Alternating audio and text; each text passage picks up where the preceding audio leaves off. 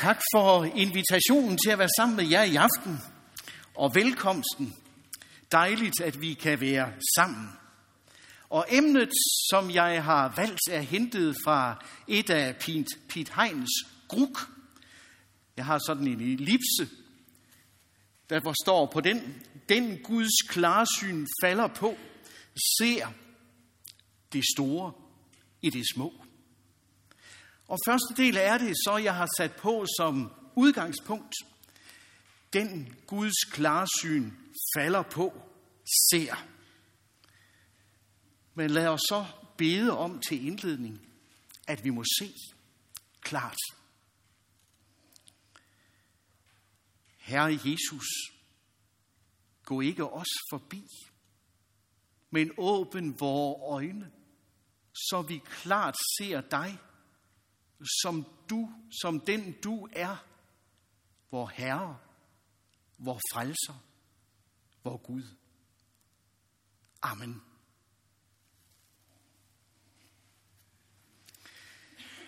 Den Guds klarsyn falder på, ser. Og øh, det er der en beretning i det nye testamente, som fortæller os om, nemlig hentet fra Lukas evangeliet kapitel 18, det er der, hvor Jesus er på vej mod Jericho og møder den blinde. Da Jesus nærmede sig Jericho, sad der en blind mand ved vejen og tjekkede. Han hørte, at en skare kom forbi og spurgte, hvad der var på fære. De fortalte ham, det er Jesus fra Nazareth, der kommer forbi. Der råbte han, Jesus, Davids søn, forbarm dig over mig. De, som gik foran, truede ad ham for at få ham til at tige stille. Men han råbte bare endnu højere, Davids søn, forbarm dig over mig. Og Jesus stod stille og befalede, at manden skulle føres hen til ham. Da han var kommet derhen, spurgte Jesus ham, hvad vil du have, at jeg skal gøre for dig? Han svarede, Herre, at jeg må kunne se. Og Jesus sagde til ham, bliv seende, din tro har frelst dig. Straks kunne han se, og han fulgte ham og priste Gud. Og hele folket så det og lovpriste Gud. Amen.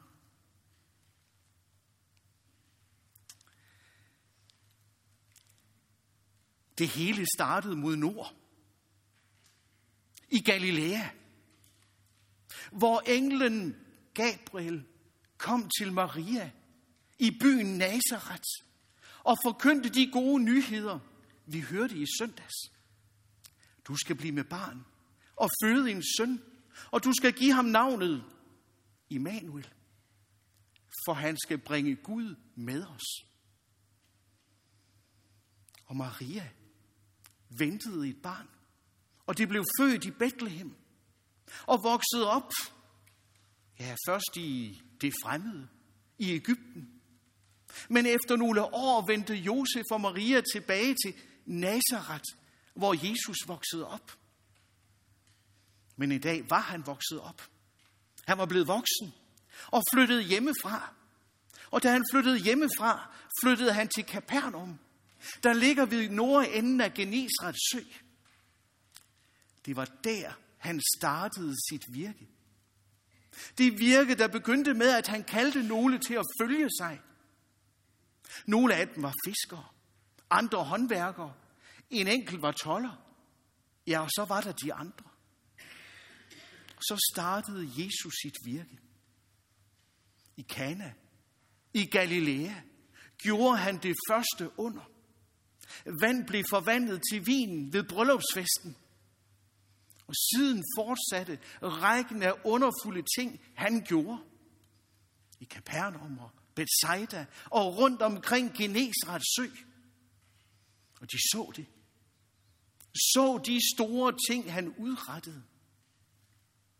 Og det, han gjorde for mennesker. De fulgte ham i tre år. Men en dag sagde han så til dem, Se, vi går op til Jerusalem, og der skal alt det ske, som er talt ved profeterne.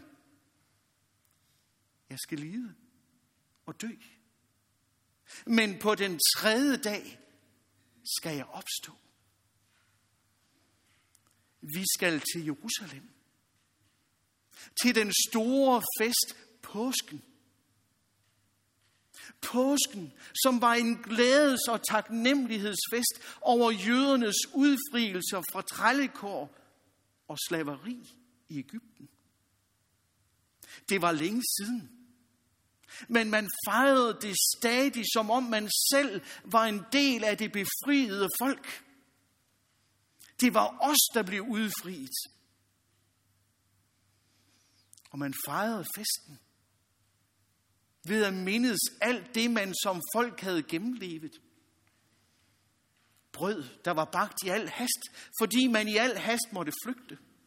Mos, der skulle minde om det grå ler, de havde trampet sig trætte i. Så var der de bitre urter. Til minde om alt det bitre, folket havde gennemlevet. Og saltvandet, de skulle døbes i, til minde om de salte tårer, de havde grædt. Tårerne er vore. Vi tager dem til os. For vi er en del af det folk, der har lidt. Og så tog de til sidst glædens bager og rejste det mod himlen. Som en pokal Gud har ført os til sejr og befriet os. Vi går op til Jerusalem, sagde Jesus. Og der skal vi fejre vores befrielse. Vores udfrielse. Vi tager til Jerusalem. De befandt sig op ved søen op mod nord ved Genesaret. Og de kunne så have valgt en af flere veje for at bevæge sig ned mod Jerusalem, for at tage del i påskefesten i jødernes hellige tempel. De kunne have valgt højderyg ned gennem Samaria. De kunne have valgt vejen langs havet og, og, og gået ind i landet derfra.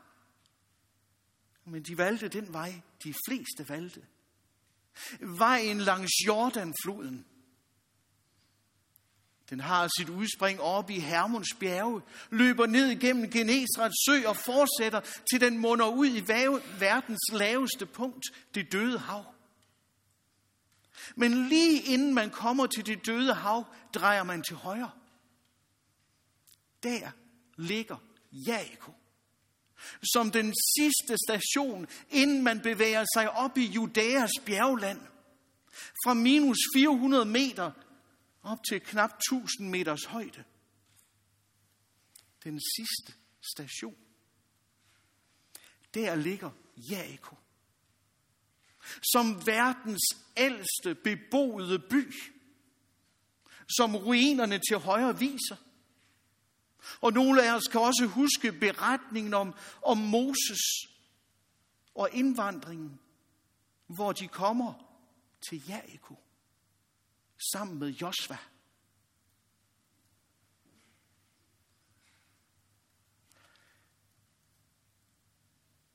Der, Jericho, ligger en oase. Ja, Jericho er en oase. For Jericho er omgivet af ørken, der strækker sig mod syd, og det bliver særligt tydeligt, når man bevæger sig lidt ud mod det døde hav. Det er goldt og dødt og fyldt af klipper, kilometer efter kilometer. Men der er en kvadratkilometer.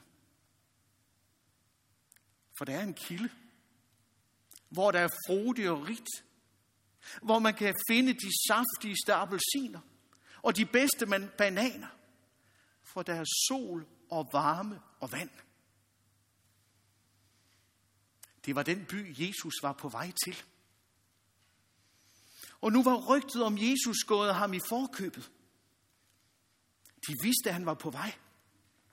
Og de vidste også, hvad han havde gjort. Og derfor var de fyldt med forventninger til hans komme til deres by. Og derfor, som det er skik i Mellemøsten, gik folkeskarne ham i møde, for han skulle vide, at han var velkommen hos dem. Folkeskarne gik ham i møde, de unge, børnene. Jo, folkeskaren var stor. De nærmede sig byen. Der sad en tigger. Naturligvis fordi det var et forholdsvis lukrativt sted at sidde. Alle de rejsende, der kom fra nord, havde kun disse tre muligheder. Og de fleste valgte ikke den i midten. For det var jo der, samaritanerne boede. De rejsende kom. Og det var altid godt at lægge en skæv i en tiggers bøtte. Og når man sad der, så man ikke ret meget, når man var blind. Naturligvis ikke. Men man hørte. Hørte, hvad de rejsende talte om. Det gjorde han også. Så da han spørger til, hvad er det egentlig, der sker? Hvorfor disse mange mennesker?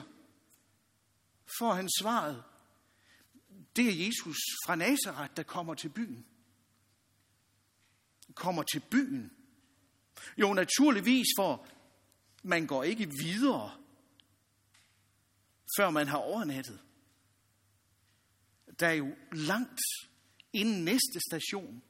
Jerusalem, godt 30 kilometer opad.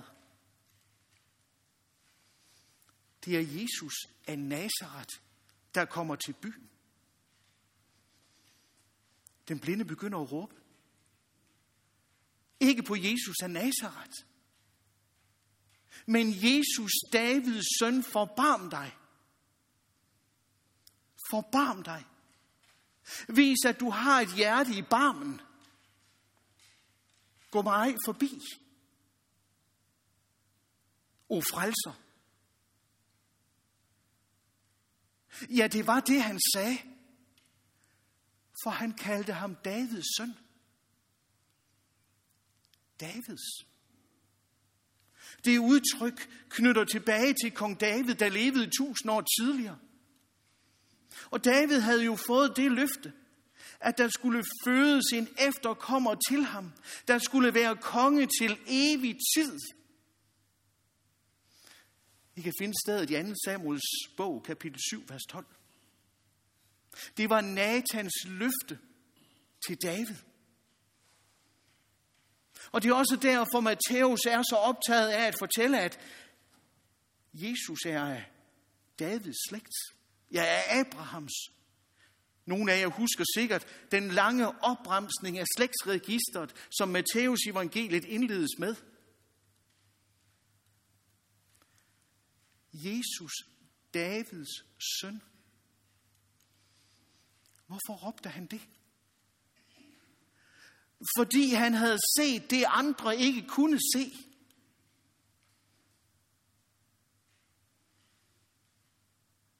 Han kunne ikke se, men havde set. Set, at denne Jesus af Nazareth i virkeligheden var Davids søn, den lovede frelser. Hvordan skulle han ellers kunne gøre alt det, han havde hørt, han havde gjort? Han havde set. Skønt han ikke kunne se. For det, han havde set, handler ikke om evner. Sandt at sige, at der ingen af os, der evner at se sandt om Jesus. Med mindre Helligånden får lov til at overbevise os om sandheden. For troen i et menneskes hjerte er ikke en intellektuel præstation.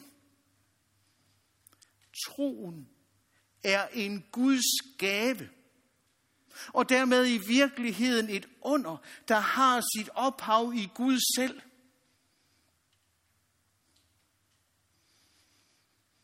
Og det er jo egentlig det, Martin Luther giver udtryk for i den lille katekismus, når han i forklaringen til troen til Helligåndens skærning siger, jeg tror, at jeg ikke ved egen fornuft eller kraft kan tro. En tro, at tro er ikke noget, jeg kan. Det er en Guds gerning ved Helligånden. Og derfor kunne den blinde se, skønt han ikke kunne se. Det vil sige, han kom til at se. For han, som han råbte til og håbede på, stansede op og viste barmhjertighed mod den blinde. Han gjorde et under. Og gav ham den gave igen at kunne se med egne øjne. Den blinde blev seende.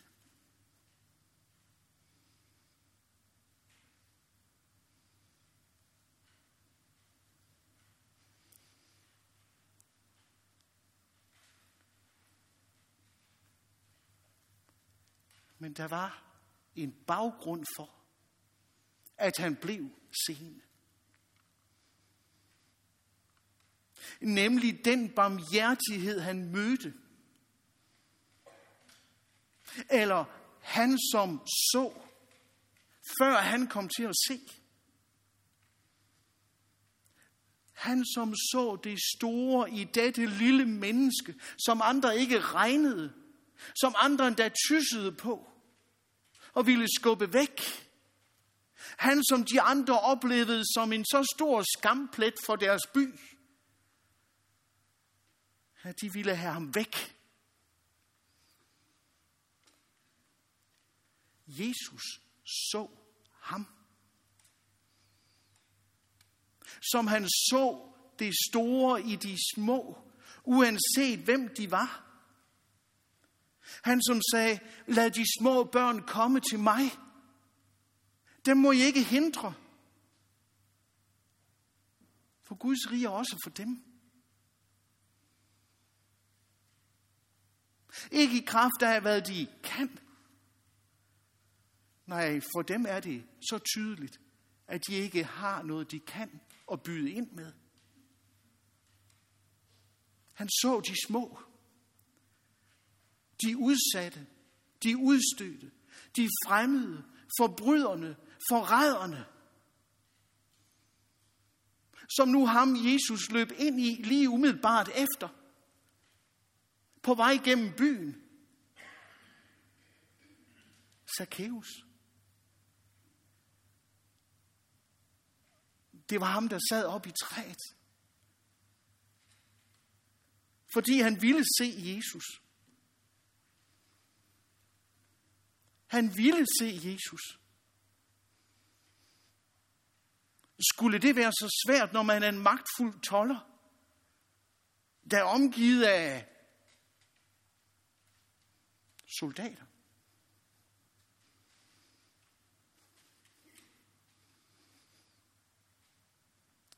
Hvad sker der, når et lille menneske, der er andre betragtet som en forræder, på det sted på kloden bevæger sig ind i en stor folkemængde,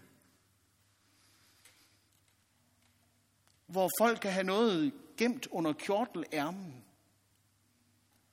som for eksempel en kniv.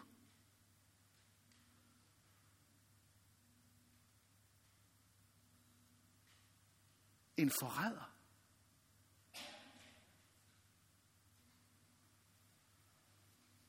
Jesus stansede op hos den mindste i andres øjne og lod det mærke og fornemme Guds barmhjertighed. For han så ikke hen over mennesker. Så ikke forbi mennesker. Han så dem ind i øjnene og lod dem fornemme, at, at der er en, der har hjerte. For selv det menneske, der har forspildt sine chancer og sine muligheder, og trådt på Guds gaver, herunder de medmennesker, der var tiltænkt at være en gave for dette menneske.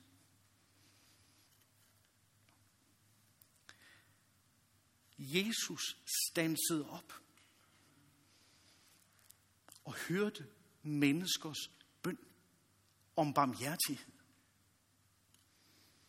Og det er der faktisk en salme, der, en af de nye, der, der fortæller på en fin måde. Et vidste han om vejen frem. Den endte i Jerusalem. Og just som profetien lød, der endte den i kors og død. Den vej han lydigt ville gå. Den vej han lydigt ville gå. Han havde jo et mål at nå. Og ingen fjendes vold og list ham stansede eller gav ham frist. Men råbte en, du Davids søn, forbarm dig, hør en tiggers bøn. Det stansede Jesus på hans vej. Han kunne ikke sige nej. Det er vores trøst i liv og død. Han rørte sig en tiggers nød, og alt vort håb er gemt deri. Han kunne ikke gå forbi. Nej, han gik ikke forbi. Han gik ikke forbi. Men han gik heller ikke ram forbi. Han var nemlig på vej til Jerusalem, og han vidste, hvad der ventede ham. Fordi noget skulle gå os forbi. Fordi dommen ikke skulle ramme os. Fordi vi ikke skulle gå fortabt. Han gik. Og undervejs på sin vandring mod Jerusalem, mindede Jesus sine disciple om, hvad handler dette om? Jeg skal lide og dø men opstå. For menneskesønnen er ikke kommet for at lade sig tjene, for at blive vartet op, serviceret. Han er kommet for selv at tjene og give sit liv som løsesum, som betaling til frihed for mange.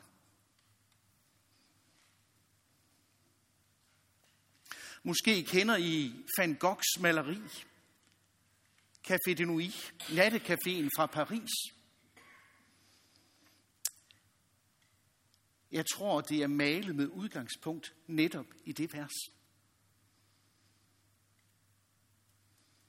Jeg ved det ikke, men jeg tror det.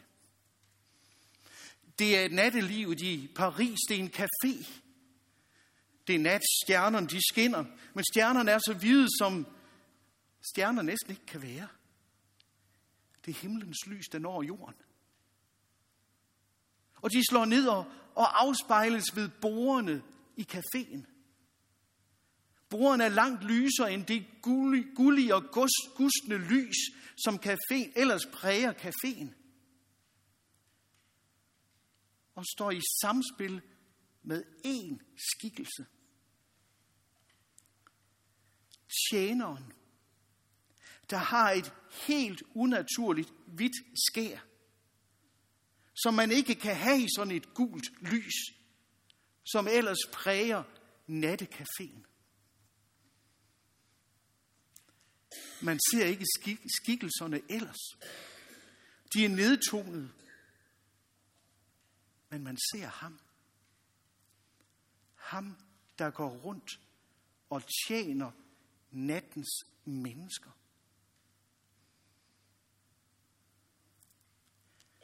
Van Gogh var nemlig ikke tilhænger af den etablerede, pompøse og pragtfulde kirke. Han var kritiker af den. Og den kritik aner man også i dette billede, hvor skikkelsen, den hvide skikkelse, tjener de små.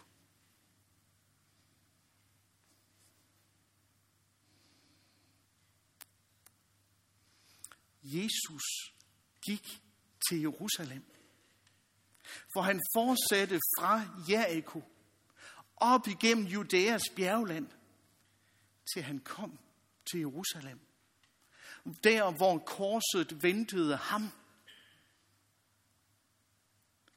Da han indledte sin tjeneste, pegede Johannes ham ud og sagde, se det Guds lam, der bærer verdens synd.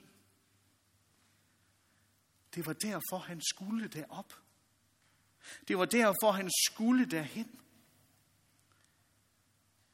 For at give sit liv som løsesum. For at frelse det ellers fortabte menneske. Så det fortabte menneske i lys af korset ser en åben himmel.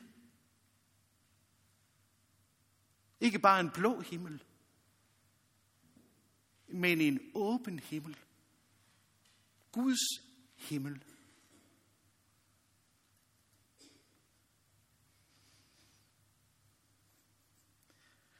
Den Guds klarsyn falder på, ser det store i det små.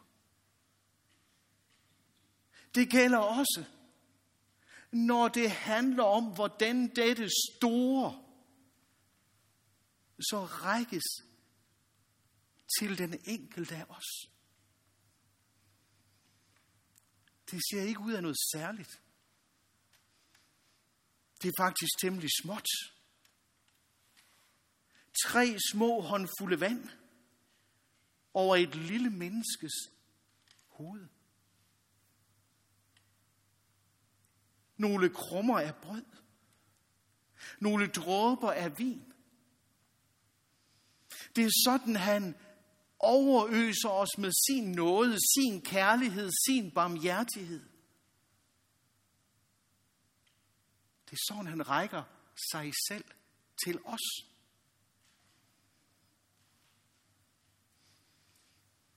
Og måske sker der også det under for os, at vi ser det store i dette små. Ser Gud komme til os og række os sin kærlighed, sin barmhjertighed, sin nåde.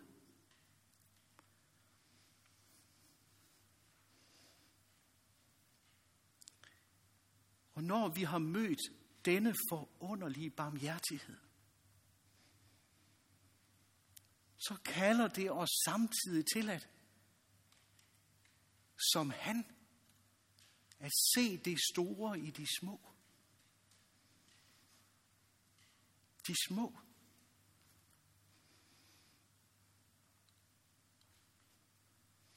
Dem i vores tid, der er de små. De er ensomme. Dem, der er udenfor. Dem, der kæmper med selvværd. De er ensomme.